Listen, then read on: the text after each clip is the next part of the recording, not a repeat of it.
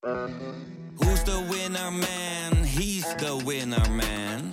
Is hij miljonair? Geen idee, maar nou en. Je hebt geen jackpot nodig to be a winner man.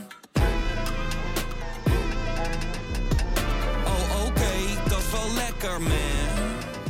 Hallo, ik ben Jaap Jansen En die zagen een blad gaan met korenwijn. En ik maak met PG Kroeger En een half uur later weer een blad met korenwijn. een podcast Toen heeft het kabinet gezegd, dan stappen we op. waarin PG historische verhalen vertelt die ook veel zeggen over vandaag. Goed zitten zijn, dat is een first voor mij. En waarin leiders en echte deskundigen vertellen hoe het werkelijk toegaat in Den Haag en in Brussel. En dan weet je hoe dat afloopt. De grote landen domineren, de kleintjes die worden onder de voet gelopen. Betrouwbare bronnen, Het is waanzin. Hoe is het mogelijk? twee keer per week in je favoriete podcast-app.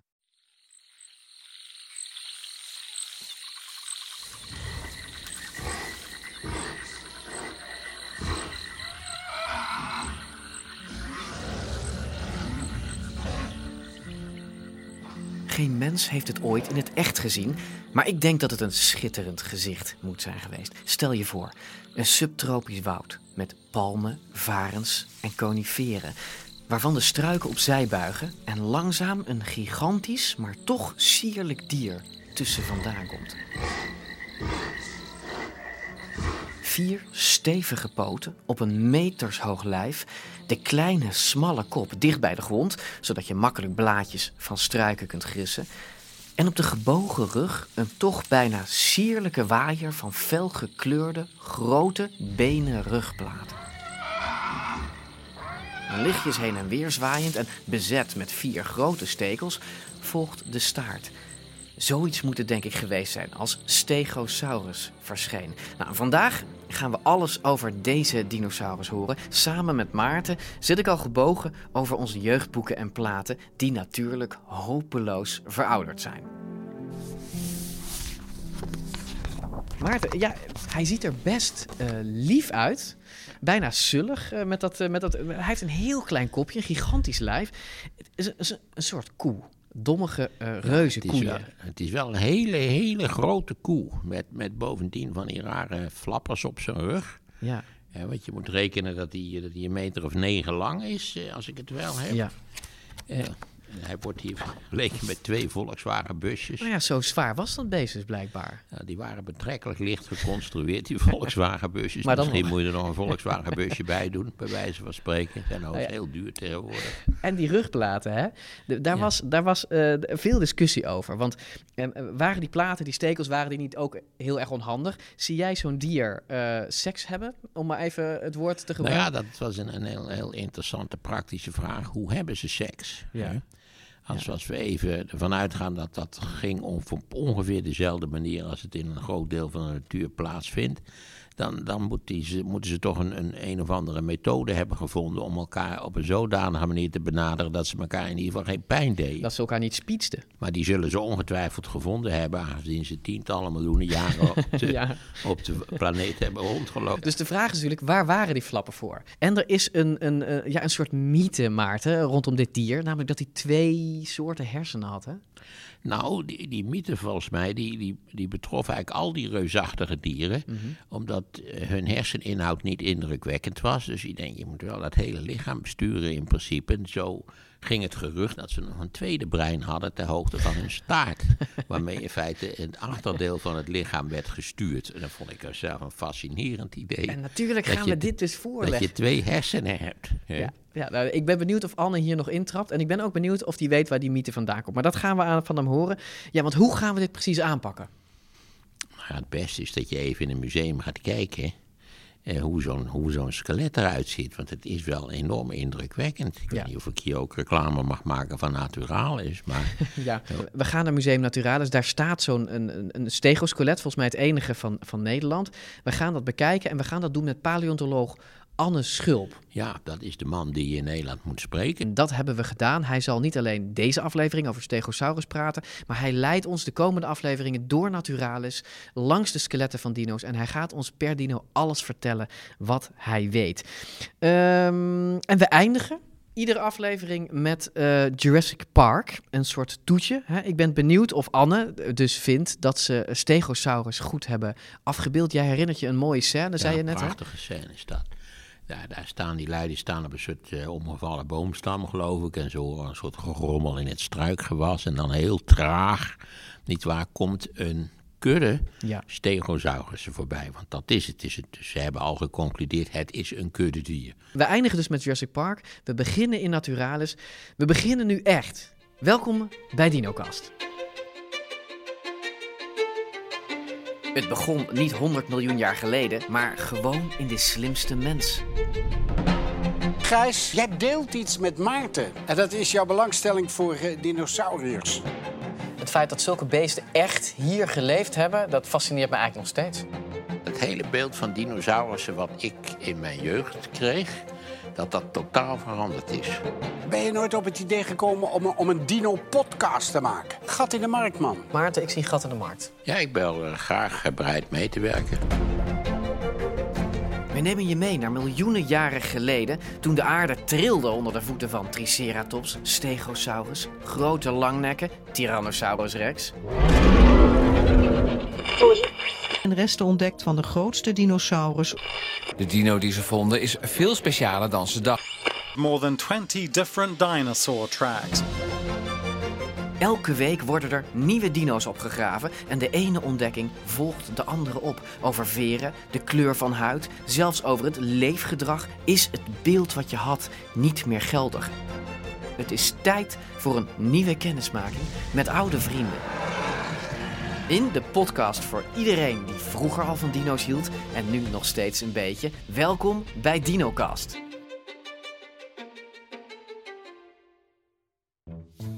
Ik, eh, ik kom deze zaal voor het eerst van mijn leven binnen. Ik ben wel eens in Naturalis geweest, maar toen vanwege de Lepidoptera, de vlinders, en nu dus de dinosauriërs. En nou, ik vind dit al een, eh, een knap skelet, eerlijk gezegd. Ja, een knappertje is het ook, onze Stegosaurus. Hij staat midden in de dinozaal van Museum Naturalis in Leiden. En als we er naartoe lopen, dan valt me weer op hoe, hoe raar dit dier eigenlijk is. Zo groot, echt, het beest zou denk ik nauwelijks in je woonkamer passen. En dan toch met zo'n heel klein, smal kopje, wat je met twee handen al helemaal kan vastpakken. Ja, en bovenop die grote rij platen, waar zelfs kleuters hem vandaag de dag nog aan herkennen. Tja, de eerste ontdekker van Stegosaurus had ook al geen idee wat hij met die platen aan moest. Want een van de eerste mensen die ooit een blik wierp op de botten van een Stegosaurus was de beroemde Amerikaanse bottenjager Othniel Marsh. Het was in het jaar 1877 en al jarenlang groeven Marsh en zijn teams de ene na de andere dinosaurier op in de Verenigde Staten. En het was een pittig clubje. Getuige ook een expeditiefoto uit die tijd, waarin Marsh, een gezette man met een grote warrige baard, poseert met zijn collega's. Allemaal mannen met geweren en kogelriemen. Paleontologie was toen niet de zachtaardige wetenschap van nu. Omkoping, spionage, diefstal behoorden ook tot het vaste repertoire van deze heren.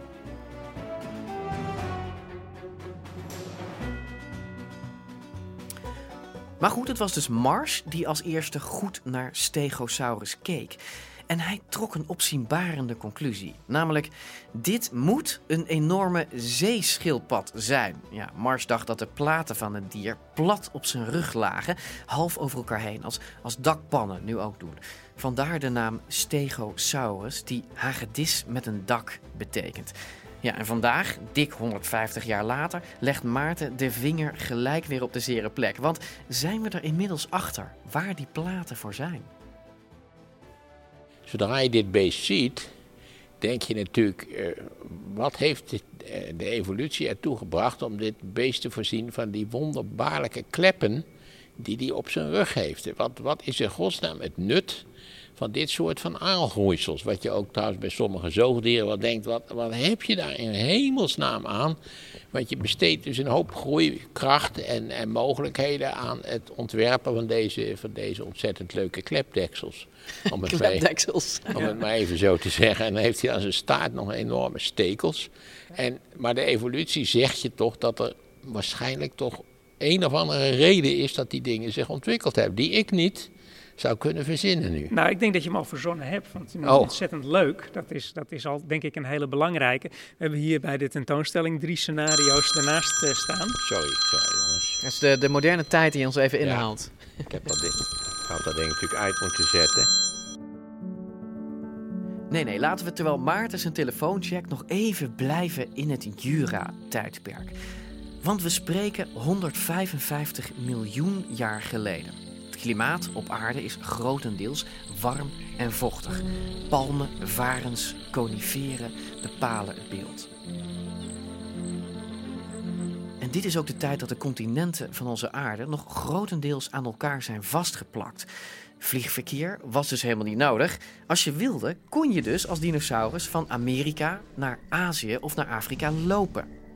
Maar je moest snel zijn, want tijdens het Jura-tijdperk begint de aarde te scheuren en drijven de continenten uit elkaar. Nou, dat gebeurt natuurlijk in de loop van miljoenen jaren, met een paar centimeter per jaar. Dus de gemiddelde stegosaurus die zal er niet wakker van hebben gelegen. En de scheuren die op die manier dus ontstaan, die lopen vol met water en die vormen nieuwe binnenzeeën en oceanen. Het Jura is het tijdperk van de grote langnekdino's, zoals Diplodocus en Brachiosaurus, maar ook van de vleeseter Allosaurus. En in de zeeën zwemt bijvoorbeeld de Plesiosaurus met zijn lange nek. En onze Stegosaurus die scharrelt er dus ook rond. Nou goed, Maarten is klaar met bellen. Laten we nou eindelijk die vragen eens gaan beantwoorden. Waar zijn die dakplaten voor? Ehm, en de vraag is inderdaad van wat deden ze ermee? Nou, daar, daar, is, natuurlijk, eh, daar is natuurlijk ontzettend over, over gebroed en gedacht. En eh, één hele logische functie op het moment dat je ervan uitgaat dat het koudbloedige beesten zijn, is natuurlijk dat het een functie heeft bij het, eh, bij het opwarmen. Dat het een soort van zonnecollectoren zijn. Dat, je, dat, je, dat het duurzame dino's zijn die extra, die extra zonlicht opvangen om op tijd opgewarmd te zijn. En dan kunnen ze een uurtje eerder aan de slag. Ik vind het wel zware zonnecollectoren als je ze Ja, zo ziet. Volgens mij moet dit behoorlijk te torsen Het is een zijn. Ongelooflijk eh, geharnis. Er zit natuurlijk wel, er zitten wat indrukken in. Het idee is dat er, wel, eh, dat er ook wel wat eh, bloedvoorziening langs liep. Dus dat er nog wat vel ook overheen zat. Want hoe werkt dat dan letterlijk? Eh, nou, eigenlijk net als met de radiator in een auto of met, het, eh, met de, de vloerverwarming. De eh, buisjes waar je het radiatorwater of, doorheen pompt. En dan verplaats je de warmte en dan gaat het weer op, een, op de radiator straalt dat weer uit en koel je af. Dus hij heeft Dus, bloedvaatjes op die, op die ja. schilden zitten. Daar stroomt bloed doorheen. En dan kan het of opwarmen in de zon of afkoelen in de schaduw. Ja, dat was, is een van de ideeën die geopperd is. Dus wat zou je er verder mee kunnen doen? Nou ja, ehm, verdediging misschien. Zeker omdat je daar van die grote punten erachter hebt zitten. Om, eh, dat is- staart, Op ja. zijn staart. Dat is natuurlijk eh, wel leuk om mee te zwiepen en daar een flinke klap mee uit te, te delen. Ehm, maar dan deze dingen hier. Ze, ze, ze zijn, ze zijn niet zo heel dik. Ze zijn eigenlijk best wel breekbaar verhoudingsgewijs. Dus eh, zou dat puur en alleen een verdedigingsfunctie hebben? Of eh, ja, toch dat punt dat Maarten noemt van ehm, best wel leuk. Ehm, Versiering. Seks. Versiering. Het gaat, Want gaat weer over niet- seks. Het gaat weer vergeet over- niet wat een tijd, evolutionaire tijd erin moet hebben gezeten om die dingen te ontwikkelen. Aan de ene kant ja, en aan de andere kant, juist op het moment dat je naar seksuele selectie gaat kijken, juist dan gaat eh, evolutie in overdrive. Dan gaat het opeens heel hard, omdat je rechtstreeks gaat selecteren op wat belangrijk is. Er is een prachtig boek. Ja, Anne bedoelt hier eigenlijk mee of het nou om pauwenstaarten gaat van, van nu of om stegosaurus-stekels van vroeger. Zolang de ene partner consequent valt op die ander met de allergrootste, dan heb je dus keiharde en genadeloze selectie op grotere staarten en grotere stekels. En, en we zien nu ook dat, want er zijn nu wat meer fossielen bekend van deze beesten. En je, hebt er nu een variant met puntjes, meer puntige stekels. En er zit een variant met meer afgeronde stekels. Dus een van de suggesties die gedaan is: hey, misschien is dit ook wel seksuele dimorfie. Dat, dat meneer Stegosaurus andere stekels had dan mevrouw Stegosaurus. En dat het dus om te herkennen, om aandacht te trekken, laten zien van: hé, hey, hier ben ik. Ja, Communicatie, laat- laat- laat de mensen verleiding. even- Laat de mensen even over naar hun eigen voortplanting kijken. Dan weten ze dus ook dat, dat met name secundaire geslachtskenmerken Nou, een enorm belangrijke rol spelen in de selectie bij, bij de voortplanting. Ja. Eh, Geheel onterecht, maar goed, dat is vers 2. Zijn ze bij de vrouwtjes kleiner of spelen ze een minder prominente rol? Nou, wat we bij zoogdieren in ieder geval vaak zien, is dat toch wel de mannetjes vaak net een tikkie groter zijn dan de grootste Ja. aanstellers. Ehm, dat is- is ook bij een aantal andere diergroepen dat toch vaker de mannetjes de meeste druktemakers zijn. Maar dat is lang niet altijd zo. En, en ook bij vogels. En de vogels staan natuurlijk heel dicht bij de vleesetende dino's. Daar zien we ook heel vaak dat precies het omgekeerde. hè, Dat, eh, dat, de- Dat het de vrouwtje vrouwtjes, de- eh, de blitz bij de woestijn, uitziet. nou ja, of in ieder geval groter ook is. Bij de woestijnbuizers zijn de vrouwtjes er factor een derde ongeveer groter. Ah, dat is Dus, wel eh, dus, interessant. de an- dus het, eh, het is niet per se dat eh, de grootste aanstellers altijd, of de allergrootste... Ja, nou, bij de mens kun je ook zeggen dat de vrouw toch vaak een grotere aansteller is dan de man. Nou, qua, qua displayfunctie. ja. Ja, ik, Ja, ik ja, bedoel, ja, ja. zich opverft, op je tut, eh, gekke hoedjes op heeft. Daar Eh, wil je nog best aardig uit. Nou, het, het lijkt mij, als ik even denk aan de opnames van de slimste mensen, dat de visagie bij vrouwen toch zeker twee of drie keer zo lang duurt als bij mij. Ik ben, ik ben in drie minuten klaar. Terwijl die, als die dames er zitten, weet je, net, dan zijn we drie kwartier wachten. Ja, die ik zitten drie keer zo lang in de visagie, eh, Anne. Dat is echt waar. Nou ja, dus Maar daar heb je erat demonstrandum, zou ik zeggen. We hebben er eigenlijk heel lang over gedacht. Als je kijkt naar dinosaurussen, dat, dat alles wat er aan vast hing of zat aan stekels en platen en schilden, dat dat eigenlijk allemaal verdediging en aanval was. Ja, En- dan en- ga je er heel funct- puur functioneel naar kijken, eh, zonder, zonder ook seksuele selectie mee, eh, mee te nemen. Want het zou best kunnen zijn dat ze leuk van kleur waren, dat hij Ja. er een beetje mee kon flapperen. Hè? Ja, Kon flapperen, ze- flapperen en bewegen, flirten. of niet? Flapperen en flirten. Ja. Jij denkt dat hij ze wel bewegen kon? Dat, eh, als ze er zo, eh, er zo in staan, dan, eh, dan, dan zal dat ongetwijfeld een spektakel zijn. Want Een hoe- beetje zoals wij onze oren kunnen bewegen of zo. Sommigen kunnen dat, ja. En, Kan jij je oren? Jij kan je oren fantastisch bewegen, zeg. Je moet, als je er wat minder haar voor hebt, dat zou echt Ja, seksuele genoeg, ja. aantrekkelijk maken. Ja, ik geloof niet dat het bewegen der oren een rol speelt in de menselijke voortplanting. Oh, Mijn suggestie dat je als je die, als je die rare kleppen, als je die een kleurtje gaf, dat, het, dat je dan misschien ook iets leuks zou kunnen doen. Dat je, of dat je elkaar zou kunnen herkennen. Of dat, Ja, je dat ziet- vrouwtjes een ander kleurtje hadden dan mannetjes. Nou, ja, je kunt ja, er je van ziet, alles bij je ziet voorstellen. hele kleurige, ook bij hagedissen vaak eh, hele, die, die echt hele prachtige kleurpatronen hebben, eh, opvallen. Om maar niet van chameleons te spreken. Ja. Het is helemaal geweldig. Oké, waar zijn die klepdeksels dus voor om met Maarten te spreken? Niet voor de verdediging, dat is duidelijk achterhaald. Maar het regelen van je temperatuur zou een mogelijkheid kunnen zijn. Ja, en verder dus wat Anne noemt flapperen en flirten. Jezelf zo mooi mogelijk maken, in dit geval dus met kleurige schilden. Zodat je de meeste kans maakt op seks en dus op kinderen. Maar vallen vrouwtjes stegosaurussen niet ook op partners met een beetje intelligentie? Want als het om herseninhoud gaat, heeft Stegosaurus een heel slecht imago. Luister maar naar 3FM-DJ's Frank en Eva. Ik weet nog dat ik heel erg onder de indruk was van eh, de Stegosaurus. Ja. Ehm, dat, dit is een heel, een heel groot beest. Maar dat die hersenen zo groot waren als een walnoot. Ze waren super dom. Vind ik heel grappig. nou ja, Goed. Ja, ze lachen, Frank en Eva.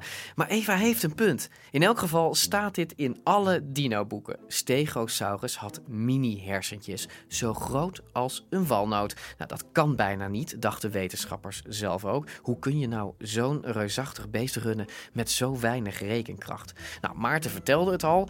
Men dacht namelijk dat er ter hoogte van de heupen van het dier, aan het begin van de staart, nog een stel hersentjes zou zitten, hè, of een zenuwcentrum. Nou, en die zouden dan de staart besturen. Nou, dit is geen broodje aapverhaal. Het is een wetenschappelijke theorie die al heel lang teruggaat. Maar is het waar? Is Stegosaurus echt zo dom? Wat ik mij afvroeg is toch onvermijdelijk. Was dit dier in staat met de evident zeer geringe herseninhoud de hele zaak adequaat te besturen? Ja, het, het arme beest had een beetje de reputatie dat die, dat het brein zo groot was als een walnoot ongeveer. Precies. En eh, dan zat er wel hier in de heupgordel, daar was dan wel wat meer ruimte. En misschien dat daar dan wat, ook nog wat plek zou zijn om, om daar eh, wat, eh, wat, wat meer na te denken. Nou, extra hersenen. extra brein. Ja, ik moet, het, ik moet het nog zien. Want dat betekent ook dat je natuurlijk een hele hoop communicatie door dat snoertje ertussen. Dus dat, eh, die, die logica die zie ik niet. Dat het maar een, een brein is ter grootte van een walnoot bij toch best een, grote, best een groot beest. Ehm, dat, eh, dat is inmiddels ook wel weer ingehaald, want er is eindelijk een fatsoenlijke, echt goed bewaarde schedel van deze soort. eh, het nieuwe exemplaar dat nu in Londen staat. Next, CT scanning is used to create virtual slices through the skeleton. One of the nicest things about the skeleton is this extremely well preserved skull. That is what makes it so exceptional and so valuable. CT scanning allows us to see inside some of the skull bones to actually look at the shape and size of the brain. The brain would have sat in this little area here. And what we've discovered is that it's actually somewhere between the size of a walnut and a little satsuma, something like that. En uh, de onderzoeker die, uh, die daar uh, verder ingedoken is en die ook daar een hele mooie CT-scan van gemaakt heeft, die heeft ons kort geleden kunnen melden dat het brein van dit beest zo groot is als twee walnoten. Nou, ja, dat scheelt enorm. ja. Aan de andere kant, ik bedoel, bij de mensen is het, een, is het intelligentste zoogdier, ik geloof dat je dat wel zeggen mag. Maar we zijn inherent beperkt doordat het, het in onze schedel is maar een beperkte hoeveelheid ruimte. Het is al een grote schedel relatief gezien, maar de ruimte is beperkt. Maar het kost ook bakken energie, zo'n brein. Ik bedoel, wij hebben anderhalve liter en dat staat continu te stoken. Dat is, dat is 30 watt of zo, dat gewoon continu aan het draaien is. Want in hoeverre maakt grootte uit. Jij zegt hier twee walnoten. Maar dat is dus blijkbaar genoeg om een beest van, nou ja, vijf meter niet alleen gewoon te laten lopen, maar ook nog zich te laten verdedigen, ja. et cetera, et cetera. Ja, maar op zich een, een, klein, met een klein brein, uh, wat moet je doen om, uh, om, om uh, te blijven bestaan? Nou ja, genoeg eten en drinken, niet al te vaak opgevreten worden en ze nu en dan voor nageslacht zorgen. Dus dat is verder niet een heel erg complexe uitdaging. Maar hebben koeien en, ook zo'n klein brein? koeien al wel weer een tikkie groter, maar een, een, muis of een kat, die, uh, daar, daar zit niet zo heel veel hersenen in. En die, die... Maar was dit een sociaal levend dier? Of was dit nou, je zou wel kunnen verwachten dat hier toch een sociale component bij zit. Op het moment dat deze uitsteeksels inderdaad een functie hebben voor, voor ja, signalen voor aandachttrekkerij. Die rugplaten. Die rugplaten. Omdat sociaal levende dieren bijna altijd meer hersens hebben ja. dan eenzaam Nou goed, het arme dier heeft uh, midden in de Jura opeens al een sprong gemaakt van één naar twee walnoten. Dus ja. uh, daar heb je het. Wie weet of er nog een walnoot bij komt. Ja. Ze hebben wat memory bijgeplaatst. En, en um, dan de staart, Anna. Want het, het dier heeft een gigantische uh, staart met daarop natuurlijk ja, vier hele vervaarlijke stekels.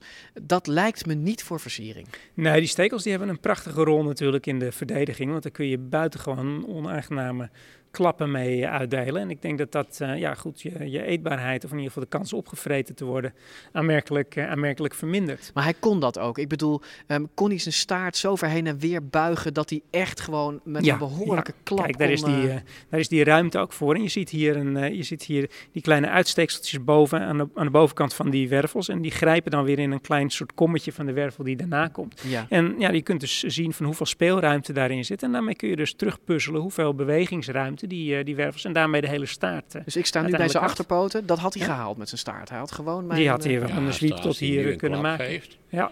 Ja. Dan kun je het wel vergeten. Wij overleven het wel, maar... Ja. Zie je dat wel eens bij... bij, bij uh, oh, jij zou het hebben overleefd. ja, okay. ik maak me even zorgen over de mogelijkheden. Die stekels zijn, af, zijn zo groot als jouw onderarm.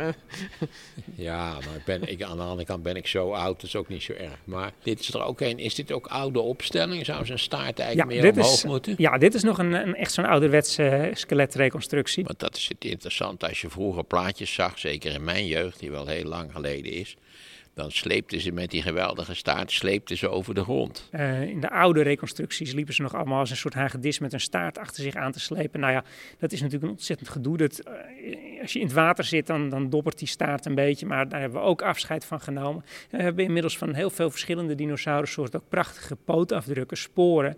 En ook daar kom je eigenlijk geen staartsleepsporen tegen. En nog zoiets, als je ziet van hoe groot en hoe dik die staart hier zou moeten zijn. Het gewicht alleen al van die staart, als je dat over de grond zou moeten laten slepen, dan krijg je natuurlijk slijtage tot en met. Dat, uh, dat wil je niet hebben. Even ook als gedachte-experimentje uh, een, uh, nou zeg maar een speenvarken met een, met een touwtje aan je trekhaak binden en dan een stukje gaan rijden. En dan moet je eens kijken hoe hard dat slijt. Um, dus, dus, en, en zo'n dikke dinosaurusstaart, we hebben daar nog veel grotere staan. Dat is, dat is dat, een complete zeug, als je dat over de grond gaat trekken. Dat is niet handig. Dus die wil je... En ze deed natuurlijk ook om, in, om een soort evenwicht te bewaren. Exact, ja. En dat zie je ook hier aan die uitsteeksels. Hè. Er zitten hier wat uitsteeksels aan de bovenkant. Dus dat geeft alle ruimte voor pezen om al die wervels aan elkaar vast te, aan elkaar vast te, te, te, houden. En dat je daarmee het, het beest aan de voorkant ook mooi in balans uh, houdt. Dat is ja, echt een precies. contra. Nou ja, hier, dat kunnen we hier even zien. Oké, die stegostaart die hing dus hoog in de lucht hè, als balans, maar vooral ook als geducht wapen tegen aanvallers. En daar zijn vrij gênante sporen van terug te vinden. In het Amerikaanse Wyoming werd enkele jaren terug een ongelukkige Allosaurus teruggevonden. Nou, dit beest had op zijn botten duidelijke sporen, gaten, van die spikes van de Stegosaurus. Extra ongelukkig omdat ze dwars door zijn pubic bone blijken te zijn gegaan. Deze Allosaurus werd dus geveld door een slag recht in het kruis, is de conclusie van onderzoekers. It turns out Stegosauruses fought pretty dirty. If you've ever hit someone below the belt in a fight, you are not alone. Dinosaurs weren't much better. Researchers recently found a fossilized Allosaurus with a circular hole in its pelvis. There weren't exactly humans running around with beautifully carved spears at the time, so the only logical explanation for this kind of fatal wound in an Allosaurus is a hit to the groin from a Stegosaurus's tail.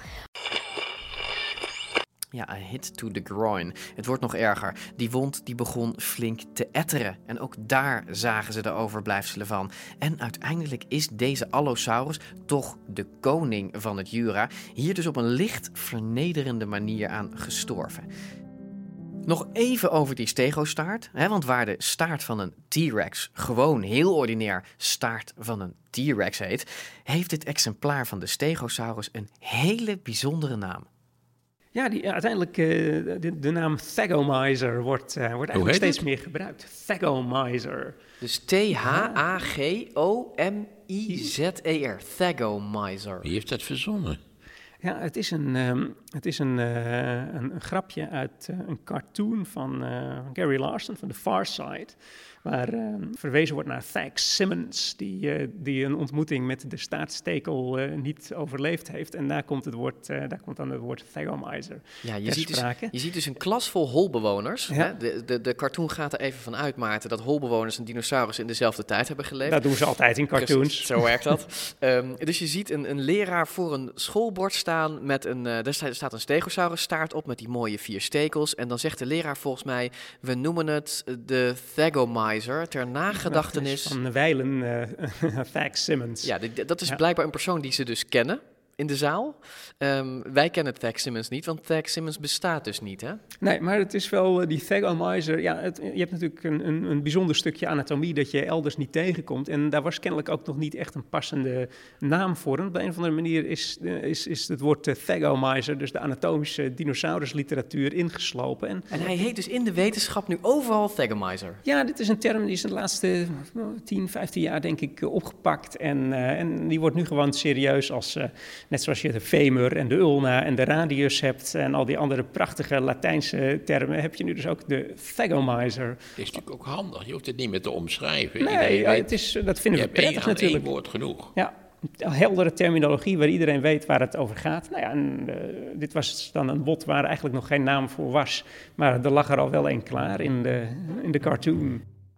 Thagomizer. Ja, het klinkt voor mij als een nieuw type gevechtshelikopter. En het bewijst maar weer hoe hip of hoe nerdy paleontologen zijn. Nou, kijk even op dinocast.nl, want daar staat die beroemde cartoon. En dan dat andere probleem waar deze paleontologen zich al jaren over buigen. How did Stegosaurus have sex? Dinosaur sex, dance like a T-Rex. Dinosaur sex, dinosaur sex. Now that I have your attention, how did dinosaur sex even work? You know, with all these plates along the back and long tail spikes, how did this work? kind of dangerous. Perhaps the female lay down to keep the male from getting stabbed or impaled. Maybe they carefully backed into each other. This is really just a bunch of dino nerds guessing about how species, which died 70 million years ago, communicate sexual interest. Hoe zal ik dit subtiel zeggen? Het dier was gepantserd tot en met. Het had Ja. allemaal rare stekels. Je hebt ook stegosaurus varianten, zoals de Kentrosaurus bijvoorbeeld. Die heeft geen platen op zijn rug. Die heeft alleen maar echte stekels. Ik, Monsterlijk. ver- ver- ja, monsterlijk, Anne. Maar vergeef me dus ook de vraag: hoe hadden deze dieren seks? Hoe bestijg je zo'n zo'n stekelig dier? Dat, dat, ik zie dat gewoon niet voor me. Weten we hoe dat, hoe dat ging? Nou, er zijn, er zijn wel wat paleontologen die daarover over nagedacht hebben en zelfs ook experimenten hebben gedaan met... eh, met, eh, Experimenten, dat met- klinkt met- wel goed, ja. Ja, met, eh, met speelgoed, dinosaurussen of, of, of, of modelletjes of, of zelfs eh, 3D. eh, eh, en, en ja, dan, dan zul je bij sommige dieren toch wat creatievere varianten eh, moeten doen, zoals, zoals achteruit inparkeren en zo. Achteruit inparkeren. of je, je klapt die, En die, dat die wou je zeggen met stekels. die twee walnoten. Dan hebben ze nog wel een walnoot extra benodigd, denk ik. Wil je dat kunnen? Nou, Het is een mysterie, Maarten. Ik, ik, ik, ik kan me dit eh, heel moeilijk voorstellen. zachtjes en liefdevol de gepunte staart naar links buigen. Nou ja, we kennen de paring van de egels. Hè? Ja, er is ook een van de andere theorieën, is zelfs dat ze dat eh, dobberend in een meertje deden. Oh, dat vind ik wel een aantrekkelijk idee Het is natuurlijk. romantisch. Is het Ja. romanticus in jou, Maarten? die Ja, dat- precies. En bij een, bij een, een laagstaand maantje en zo. Hè? Ja, gechirp van de Ja, krekels in met, de Met verte. muziek van Vets Domino erbij.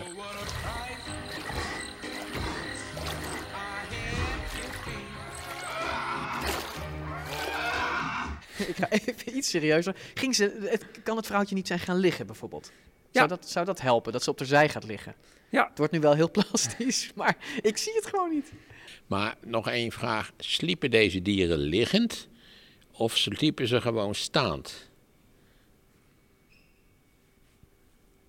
Weten we dat? Weten we dat? Oh nee, stil. Ik ben, ja, dat weet ik niet. Daar heb ik, eh, bij Stegosaurus eh, zien we daar praktische bezwaren. ik, zou, ik, zou lekker, ik zou lekker door de knieën gaan en oprollen, want je hebt, eh, je hebt niet zo van die blokkerende hoe zwaar- poten. hoe zwaarder en ingewikkelder je in elkaar Ja. zit, hoe onlogisch het er is om, om Ja. s'avonds een bedje te maken waar je echt lekker, lekker in gaat liggen. Hè? Maar, maar olifanten gaan toch ook niet liggend slapen? Die, je, je ziet ze wel eens liggen of, of poedelen. Ja, maar dan, dan is ja. het om, om in het zand Ja, staan ze een beetje te eh, schuren en zo. Ja, maar op het moment dat je je poten er recht, recht onder staan en je die ook mooi kunt blokkeren, sta je natuurlijk qua energie ook wat, wat, wat efficiënter. Dus, eh, nee, ik heb er bij Stegosaurus nooit over nagedacht. Soms valt Anne stil omdat hij een antwoord niet weet. Nou, dat gebeurt regelmatig tijdens onze gesprekken. En dat is niet omdat hij het niet weet, maar omdat we het niet weten. De laatste jaren wordt er razendsnel meer bekend, maar dan nog zijn Stegosaurus-skeletten heel erg schaars. Een paar klepdeksels hier, een stuk van een poot of een schedel daar. Het skelet waar we in Naturalis omheen lopen is dan ook een model en geen echt volledig dier. En je hoort denk ik ook wel dat we van deze dinosaurus meer dingen nog niet weten dan wel. Maar dan nog is ons beeld van Stego de laatste jaren flink veranderd. Zo dom was hij dus namelijk niet met zijn twee walnoten. En zijn staart sleepte niet, maar hield hij voortdurend omhoog. Klaar om iemand een klap te verkopen als dat nodig was. En dat is een heel ander beeld dan 70 jaar geleden, in de jaren 50. En het leuke is dat we de Stegosaurus van toen nu nog gewoon kunnen zien in dierentuin Artis. Ja, je kunt hem niet alleen bekijken, je kan hem ook beklimmen. Bijna ieder kind in Artis heeft dat wel gedaan. Ook historicus en dino-kenner Ilja Nieuwland weet dat nog goed. Ik weet zelf dat ik het gezien heb ergens in de jaren tachtig, toen ik voor het eerst van mijn leven uit Friesland. ehm, met mijn moeder en mijn broertje uiteraard als elfjarig jongetje eh, naar Amsterdam ging om daar voor het eerst naar Artis te gaan. En eigenlijk vond ik dit het meest fascinerende van die hele dierentuin. Jaren later ging Ilja zich verdiepen in die Amsterdamse Stegosaurus. En bleek dus dat het dier, let op, in elkaar geknutseld is door een oppasser van Artis. In de jaren 50 was hij al wereldberoemd in Nederland. 50 jaar lang is oppasser Bolé nu al werkzaam in Artis. Het grootste deel van deze tijd heeft hij doorgebracht tussen de reptielen. Toch kennen de krokodillen, waarvan een enkele ook al heel wat jaartjes in Artis verblijft, hun baas nog steeds niet. En ze hebben alleen maar belangstelling voor hem wanneer hij hen eten komt brengen. De Telegraaf schrijft. Wil je dat ik het even voorlees? Ja, lees het alsjeblieft even voor. Wat gaat- staat er? Hij, eh, en dit, hij schrijft, ze schrijven over Bolé. Dit is Boudewijn Bolé, oppasser aller inwonenden van het reptielenhuis in Artis. Al zo lang dat men allengs de kriebel zou krijgen van al dat kruipend gedierte. Maar niet Boudewijn Bolé. Hij is elke dag verheugd met zijn taak, die hem in staat stelt achter de dierenverblijven in een smoeke werkplaats te vertoeven en zich daar in zijn vrije tijd, schaftijd, bezig te houden met het boets- boetsieren van de aan zijn zorgen toevertrouwde dieren, alsmede andere geschikte dierlijke objecten. En er staat ook een foto bij, hè? Ja, daar staat nog een foto bij van hoe die hier een, eh, eh, een van die reptiele beelden aan het maken is. En al, op een andere foto kun je zien hoe die werkt aan de stegosaurus. De stegosaurus in, in een ruimte in Artis. Op de foto zie je Bolé zitten naast zijn beeld. Hij is een beetje aan het prutsen aan de buik van de witte stenen Stegosaurus. En al kijkt hij niet in de camera, volgens mij is het een houding die hij wel speciaal voor de fotograaf heeft aangenomen. En je ziet ook goed hoe groot het dier is. Bolé zelf, die past er zo'n 15 keer in. Hij wilde zijn Stegosaurus maken op twee derde van de ware grootte. schrijven de kranten in 1953. Op dat moment krijgt hij dus al wat ondersteuning. En die ondersteuning bestaat er vooral uit dat hij hier en daar een uurtje aan die be- beesten mag werken van de leiding van Artis. Het moet natuurlijk niet ten koste gaan van zijn taken als reptielenopzichter. Behalve zijn dieren heeft oppasser Bollet nog een andere hobby. Het boetseren van diermodellen. Tot zijn scheppingen op dit gebied behoren modellen van voorwereldlijke diersoorten, zoals deze Stegosaurus, een planteneter die 120 miljoen jaar geleden op aarde geleefd heeft. Ook over deze dieren weet hij uitvoerig te vertellen. Waar heeft hij het van gemaakt, Ilja? Ah, ja, nou ja, dat is dus interessant. Het is net na de Tweede Wereldoorlog, er is niet zoveel materiaal. Dus wat hij pakt is kippengaas. En eh, ja, in kom- om, het, om het, zeg maar de vorm te maken op een, op een soort van ijzeren, gedeeltelijk houten zelfs, staketsel. En, daar, eh, en, en, en daar, en in combinatie met beton. Dus hij, hij, heeft, hij heeft in zijn schuurtje eh, een stegosaurus in elkaar geknutseld. Van, van een, op basis van een foto van kippengaas en er vervolgens beton overheen Ja, gegoten. nou, die Stegosaurus die wordt volgens mij in 1951 onthuld. En vervolgens ehm, wordt hij wat ambitieuzer. En begint hij met een nog groter beeld. Ja, want naast de Stegosaurus verrees een vleeseter van 6 meter hoog. En welke het precies is, ja, dat is de vraag. Hij werd destijds gepresenteerd als Tyrannosaurus, maar aan zijn voorpootjes zitten duidelijk drie vingers in plaats van twee. Dus staat op het bordje in Artis tegenwoordig Allosaurus vermeld, want die heeft er drie. Ach ja, 1953 wordt hij onthuld. En ja, iedereen ziet ze een beetje aan de plantage Middelaan staan. En de pers staat er vol met allerlei artikelen. Zijn dinosaurierbeelden maken hem wereldberoemd in heel Amsterdam. Maar hij heeft er nauwelijks van kunnen genieten. Vlak nadat de Tyrannosaurus af is, overlijdt Bollet. Zijn beelden die zijn bewaard gebleven. En de Stegosaurus die zou wetenschappelijk nu zeker niet meer door de keuring komen. Het dier staat anders op zijn poten. De rugschilden die hebben de verkeerde vorm. De grote staart sleept nog over de grond. Maar eigenlijk, eigenlijk is dat dus wel mooi, want zo kun je goed zien wat er de afgelopen jaren nou veranderd is. Dit is een prachtige Stegosaurus uit de jaren 50 van de vorige eeuw.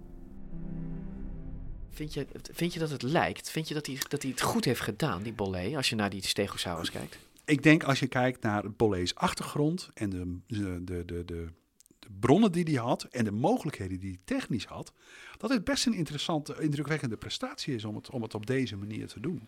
En wie Artis nu bezoekt, ziet ze nog steeds samen staan aan de plantage Middelaan.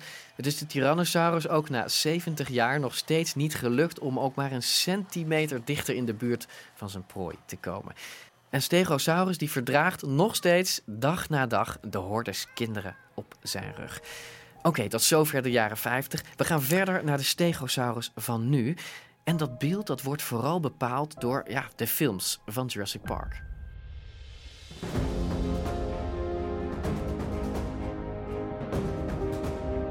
Jurassic Park wekt de dinosauriërs tot leven en het zijn deze dieren die ons in het geheugen staan gegrift. Hoe ze bewegen, hoe ze lopen, hoe ze eruit zien. Maar klopt dat nog wel? Wat klopt er bijvoorbeeld van Stegosaurus?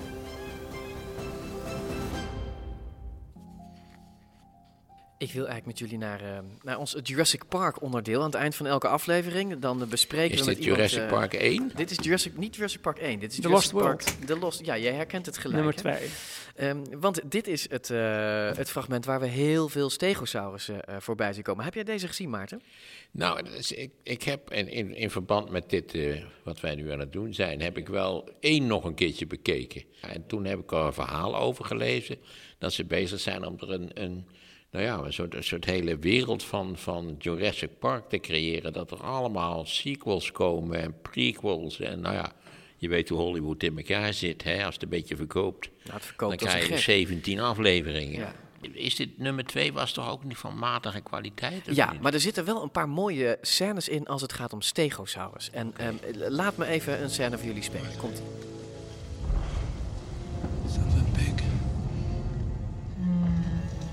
komen ze allemaal van rechts en dan lopen ze naar links. Ja, dan hebben we die baby.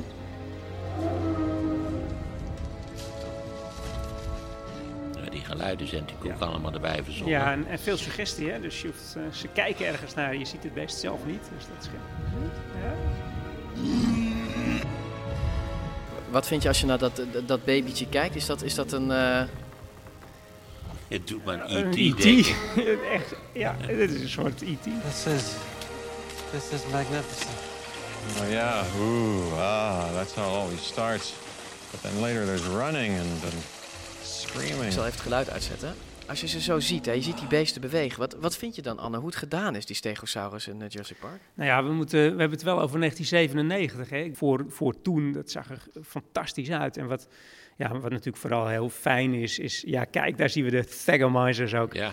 Wat natuurlijk vooral ehm, heel fijn is, is dat we hier heel nadrukkelijk afscheid genomen hebben van dat oude beeld dat we in deze boekjes hier eh, uit de jaren 80 nog zien. Eh, die staart wordt rechtop gehouden, die sleept niet meer over de grond. Eh, het zijn actievere beesten, ze lopen hier in kuddes eh, voorbij. Ehm, dus het is echt, echt het nieuwe beeld van de dinosaurussen dat we dat we Nou, je zegt, je zegt heel terecht kuddes. Hè? Weten we daar iets van? Of ze in het echt in kuddes liepen? Nou, bij Stegosaurussen, ik, ik noemde net al dat we daar eigenlijk, eigenlijk nog niet zo heel veel skeletten van hebben vergeleken met heel veel andere dinosoorten. En ook als het gaat om pootafdrukken, is het mm, met Stegosaurus toch wel huilen met de pet op hoor. Eh, er zijn met name van de vleesetende dinosaurussen en die ornithopoden en die grote langnekdinosaurussen, daar vind je heel veel sporen van. Kennelijk vonden die het veel leuker en, en kwamen ze vaker op eh, langs, langs rivieroevers of plekken waar, waar die sporen makkelijk en goed bewaard blijven. Eh, sporen van Stegosaurus, sporen van de Ankylosaurus, dat zijn toch wel de, ja, de, de groepen waar, eh, waar sporen vreselijk zeldzaam zijn, verhoudingsgewijs. Dus daar weten we lang zoveel niet vanaf als van, eh, van de langnekdino's, waar we echt prachtige voorbeelden hebben van hele kuddes die zo voorbij komen. Maar Dat- hier in de film lopen ze braaf in de kudde. Dus dat Ja. hebben ze gewoon ge- verzonnen. Ja, zulke eh, echt grote kuddes, eh, grote kuddes Stegosaurus, daar hebben we geen, eh, niet, Maar je kunt daar, daar zou je ook kunnen extrapoleren dat als het herbivoren zijn... Ja, de is veiligheid het, is van het heel, Ja, is het heel waarschijnlijk dat ze in een kuddevorm leefden. Ja. Maar aan de andere kant, het is ook heel gevaarlijk om te zeggen van we hebben één groep dieren en daar weten we dat is een complex sociaal gedrag. Ehm, maar leeuwen en tijgers, eh, die, die Totaal kunnen ook... verschillend, ja. Ja, totaal verschillend. Qua, hè, qua, qua, die, die tijgers die zijn hartstikke solitair. solitair. Eh, leeuwen hebben een veel ingewikkelde, veel gezelliger sociale structuur. Eh, maar ze zijn nog zo dicht aan elkaar verwant dat als je ze samen in een hok zet, krijg je leigers of teeuwen. Maar het heeft voordelen om in een kudde te Oh, leven. absoluut. Ja, veiligheid en, en dan met zo'n hele grote kudde, absoluut. Dus het, eh, het klinkt... Het klinkt Ook voor het beschermen van je, van je kinderen en zo is Ja. dat een handig systeem. In de laatste Jurassic films, eh, Jurassic World, zie je dat, ehm, dat ze ook stegosaurussen opvoeren. En wat dan opvalt, is dat ze, eh, dat ze lippen hebben. Ja. Wat vind je daarvan? Nou, daar was eh, twee jaar geleden, was dat twee jaar geleden? Ja, twee jaar geleden een, nog een hele leuke presentatie van op het jaarlijkse congres in, eh, in dit vakgebied. En eh, daar, daar lopen de meningen iets wat eh, uiteen. Ehm, want ja, wat heb je nou eigenlijk aan, aan, aan evidence, aan, aan, aan fossiel bewijs voor, voor zoiets als eh, zachte delen als, als, als lippen? Ja. Eh, dat is natuurlijk het eerste wat verteert. Ehm, dus er komen allerlei leuke argumenten voorbij. Ehm, en en nou ja, als je die kop van Stegosaurus eh, ziet, eh, er is natuurlijk een hele langwerpige snuit en er zit achterin zo'n enorm maalgebit. Dus alleen daar is aan de zijkant twee van die flapjes huid die ervoor zorgen dat het eten een beetje binnen blijft en niet aan de achterkant van je bek gewoon naar buiten valt. Ja. Dat is alleen nog functioneel natuurlijk wenselijk en dus heel logisch. Je ziet ook dat er een bepaalde mate van, van wangen, en dan bedoel ik dus inderdaad hè, even een, een flapje huid dat tussen je boven- en onderkaak zit, dat de spulletjes binnenhoudt eh, bij het En, kauwen. en ze moeten natuurlijk ook dat, dat plantmateriaal moet afgescheurd worden. Ja, dat moet, dus aan de voorkant moet het zeker. dus hoe ver trek je dat hebben om nou het af te scheuren. Ja, maar hoe ver trek je dat nou door naar voren? Ja, dan moet je dus echt een perfect gemummificeerde stegosaurus-kop hebben... waar je nog al, dat, al die huidafdrukken hebt. Nou, die, ben ik hebben we nog niet. heb ik nog niet voorbij zien komen. Daar maken ze dan weer prima gebruik van. Want dat ziet er natuurlijk wel veel schattiger uit als je lippen hebt. hè. Zo werkt het ook wel. Zouden ze het daarom doen? Het is de... Nou ja, in de Disney-films hebben ze natuurlijk eh, helemaal eh, lippen... en dan kunnen ze, kunnen ze praten, maar dat is... Dat is bij Jurassic Park nog niet zo. Nee. Nog niet, Maarten. Nee. Nou ja, maar we, we moeten ook enige aandacht besteden aan het feit dat we, dat we misleid worden, eh, deels. Om, om, dat, om die beelden interessanter te maken. Ik, was zelf, een, ik, toen ik die eerste Jurassic Park zag, ik vond het geweldig, die animatie. Dat het, ook wanneer je enigszins opgelicht wordt en die beesten in werkelijkheid kleiner waren, zo kunnen we nog wel een paar dingen toevoegen. Is het om ze in beweging te zien? En Ja, dat was wel echt dat, een- dat- ja, ik vond dat geweldig. Ja. En, en, ja, en eh, hoe heet het, animatie wordt natuurlijk steeds beter en beter. Dat, Ja, maar in 1993 je was ook Ja. niks gewend. Hè? Nee. Ik bedoel, die, die, die, die wow van toen je voor het eerst die, die, die dino's echt in beweging zag komen. En zo mooi en, en, en zo ja, natuurlijk en geloofwaardig. En dat is goede science fiction, hè? Waar, je, waar, je, waar die fictie zodanig verpakt is dat je, dat je gewoon erdoor meegesleurd wordt en het, en het en bijt en het hapt en het slikt. Ja, weet je, het probleem is ook een beetje dat, dat het zo echt is dat mensen denken dat het echt is. Als in, en ze snappen natuurlijk wel dat T-Rex niet echt eh, op de set rondloopt, maar het lijkt allemaal alsof T-Rex er echt zo uitzag, terwijl we dat eigenlijk niet weten. Nee, en ik heb zo langzamerhand wel het idee dat het, eh, het beeld dat bij het, eh, bij het brede publiek eh, leeft van dinosauriërs, dat dat, dat, dat eigenlijk nog wel een, paar stappen vooruit loopt op waar we daadwerkelijk zijn met, met onze echt met harde feiten ondersteunde kennis. Dus dat is natuurlijk wel weer heel leuk dat, dat ze in die tak van sport eigenlijk helemaal met het beeld van de dino's ja, aan de haal gaan. En om- omgekeerd is het natuurlijk wel zo dat, dat veel van die als je dan zo'n animatie aan het maken bent, dat levert soms ook weer vragen op die, die dan weer je als paleontoloog extra aan het werk eh, kunnen, kunnen zetten. Ja, dus Jurassic maar Park nee is heeft ook een antwoord, hè? Nee, precies. We Nee, ja, weten ja, het niet. goed. Jurassic Park, zeg jij, heeft er eigenlijk ook voor gezorgd dat er heel veel nieuwe onderzoeken zijn gestart naar die dino's. Om Ja. uit te vinden of wat in de film zat wel klopte. Dat is toch een enorm leuke wisselwerking eigenlijk. Dat was, dat was heel Omdat- vruchtbaar, ja. Dat, eh, omdat door die, door de die animatie eh, Ja. krijg je al die vragen die over de mechanica van een dier gaan. Absoluut. Hoe loopt sprak, een beest? eh, ja, ik sprak, ehm, ik sprak eh, de, de animator die die achtervolgingsscène heeft eh, gedaan op, eh, in, in Jurassic Park. En die had ook echt een... Van die twee raptors die jeep- achter nee, die nee, kinderen nee, van die aan grote T-Rex die achter de jeep aan zit. Oh ja. En nou, ja, die, die topsnelheid van T-Rex wordt daar rond de 70 km per uur gezet. Maar ze kregen dat gewoon niet geloofwaardig.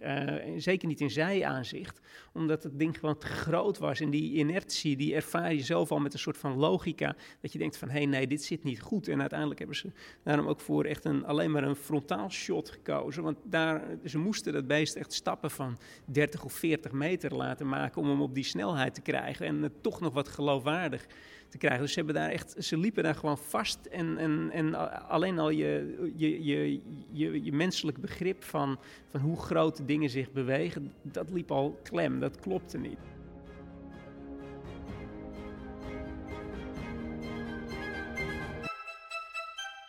Al met al krijgt eh, Jurassic Park krijgt dus een goed cijfer hè, voor, die, eh, voor die Stegosaurus. Anne die had zo weinig aanmerkingen, maar dat is de komende afleveringen is dat, eh, is dat wel eens anders. Is jouw beeld van Stegosaurus nou door deze aflevering veranderd, Maarten? Ja, tot op zekere hoogte wel. De hoofdvraag was natuurlijk waar die, ehm, ja, die, die schilden voor waren. Ja, dat weten we eigenlijk niet precies. Eh, Want er kunnen misschien ook wel nutteloze, eh, de nutteloze dingen aan mensen of aan dieren groeien. Dat, eh, we gaan er altijd vanuit dat er een soort evolutionaire reden moet zijn dat, dat iets zich heeft ontwikkeld. Maar dat hoeft niet per se, zou ik zeggen. Maar als, als er, ze denken nu dus dat het was voor de versiering. En je weet, jij was van tevoren benieuwd eh, of die mythe zou kloppen van die hersenen. We weten nu dus dat hij twee keer zo slim was als we dachten. Ik begreep dus dat dat verhaal toch van de tweede set hersenen bij de staart, dat dat niet klopt. Bullshit. Jammer, vond ik hoor. Want Ja. ik, vond, ik vond het een geweldig idee, eerlijk gezegd. Sommige dingen moet je ook niet doodchecken. Dat hebben we bij deze gedaan. Dat. Oké. Ehm, verder weten we alles ehm, van de Thagomizer. En ehm, ja, voor mij zal de term achteruit inparkeren nooit meer hetzelfde zijn sinds Anne die heeft bezoedeld met die... eh, met die eh, Met de paring van de Stegosaurus. Ja, het is wel jammer dat Jurassic Park dat niet heeft gedaan. Want dan hadden ze daar een paar 3D-modellen Ja, op dan kunnen laten ze, krijgen ze loslaten. weer klachten, hè, wat je weet. Te puriteins eh, is Amerika. Ja, het is maar goed dat stegosaurussen geen borsten hebben, want dan zouden ze al helemaal niet meer in beeld gebracht mogen worden. Oh god. We hopen dat je eh, fijn hebt geluisterd. En online op dinocast.nl kun je alles terugvinden waar we deze aflevering over hebben gepraat. En meer. Dus alles over de Stegosaurus. Die cartoon van de Thagomizer natuurlijk. En een video van oppasser Bolle. Die vind je daar ook terug. Dus als je nieuwsgierig bent hoe die man eruit ziet en hoe die doet en hoe Arthur er toen uitzag, dat staat dus bij ons op dinocast.nl. Nou, volg ons ook vooral, Maarten, op Twitter en op Instagram. Dat kan. We hebben daar een account, dinocastnl. Op beide platforms. En we hopen natuurlijk dat je ons een positieve review geeft in je podcast-app. Dat helpt ons weer om meer luisteraars te bereiken. Ja, en Maarten, we zijn natuurlijk heel uh, benieuwd of mensen vragen hebben. Want die vragen gaan wij dan proberen te beantwoorden. Ja, ja. Dit was uh, DinoCast, uh, aflevering 1. Het was mij waar genoegen. Um, volgende week, Maarten, hebben we het over Triceratops. Uh, Naturalis heeft er daar ook eentje, eentje van staan. Weet jij nog hoe dat dier heet? Hoe ze die hadden genoemd, die Triceratops? Nee, dat weet ik niet. En het gek is dat jij dus altijd zegt Triceratops, terwijl ik altijd in mijn leven heb gezegd Triceratops. Ja, nou, ook daar gaan we en, het en, volgende week over hebben, want ik wat? heb natuurlijk gevraagd hoe je dat uitspreekt. En? Nou, dat is dus Triceratops.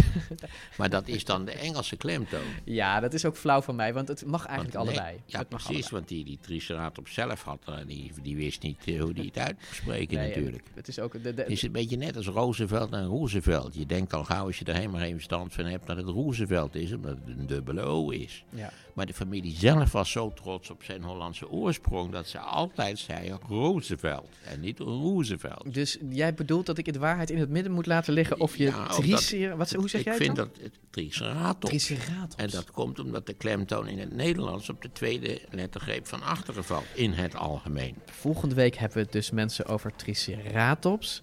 Ook al noemen we die hele aflevering noemen we hem triceratops. Heeft dus eentje, ja, um, uh, die hebben ze dus Dirk genoemd. Ach, dat, ik weet niet, dat had hij niet verdiend, naar mijn idee. Ik vind, nee, ik vind, daar zou ik toch iets, iets, moet, iets creatievers moet daarvoor verzonnen worden. Ik kom hier volgende week op terug, want je hebt een week om dit nu te verzinnen. Oh, okay. Tot volgende week. Oké. Okay. Dirk, nee.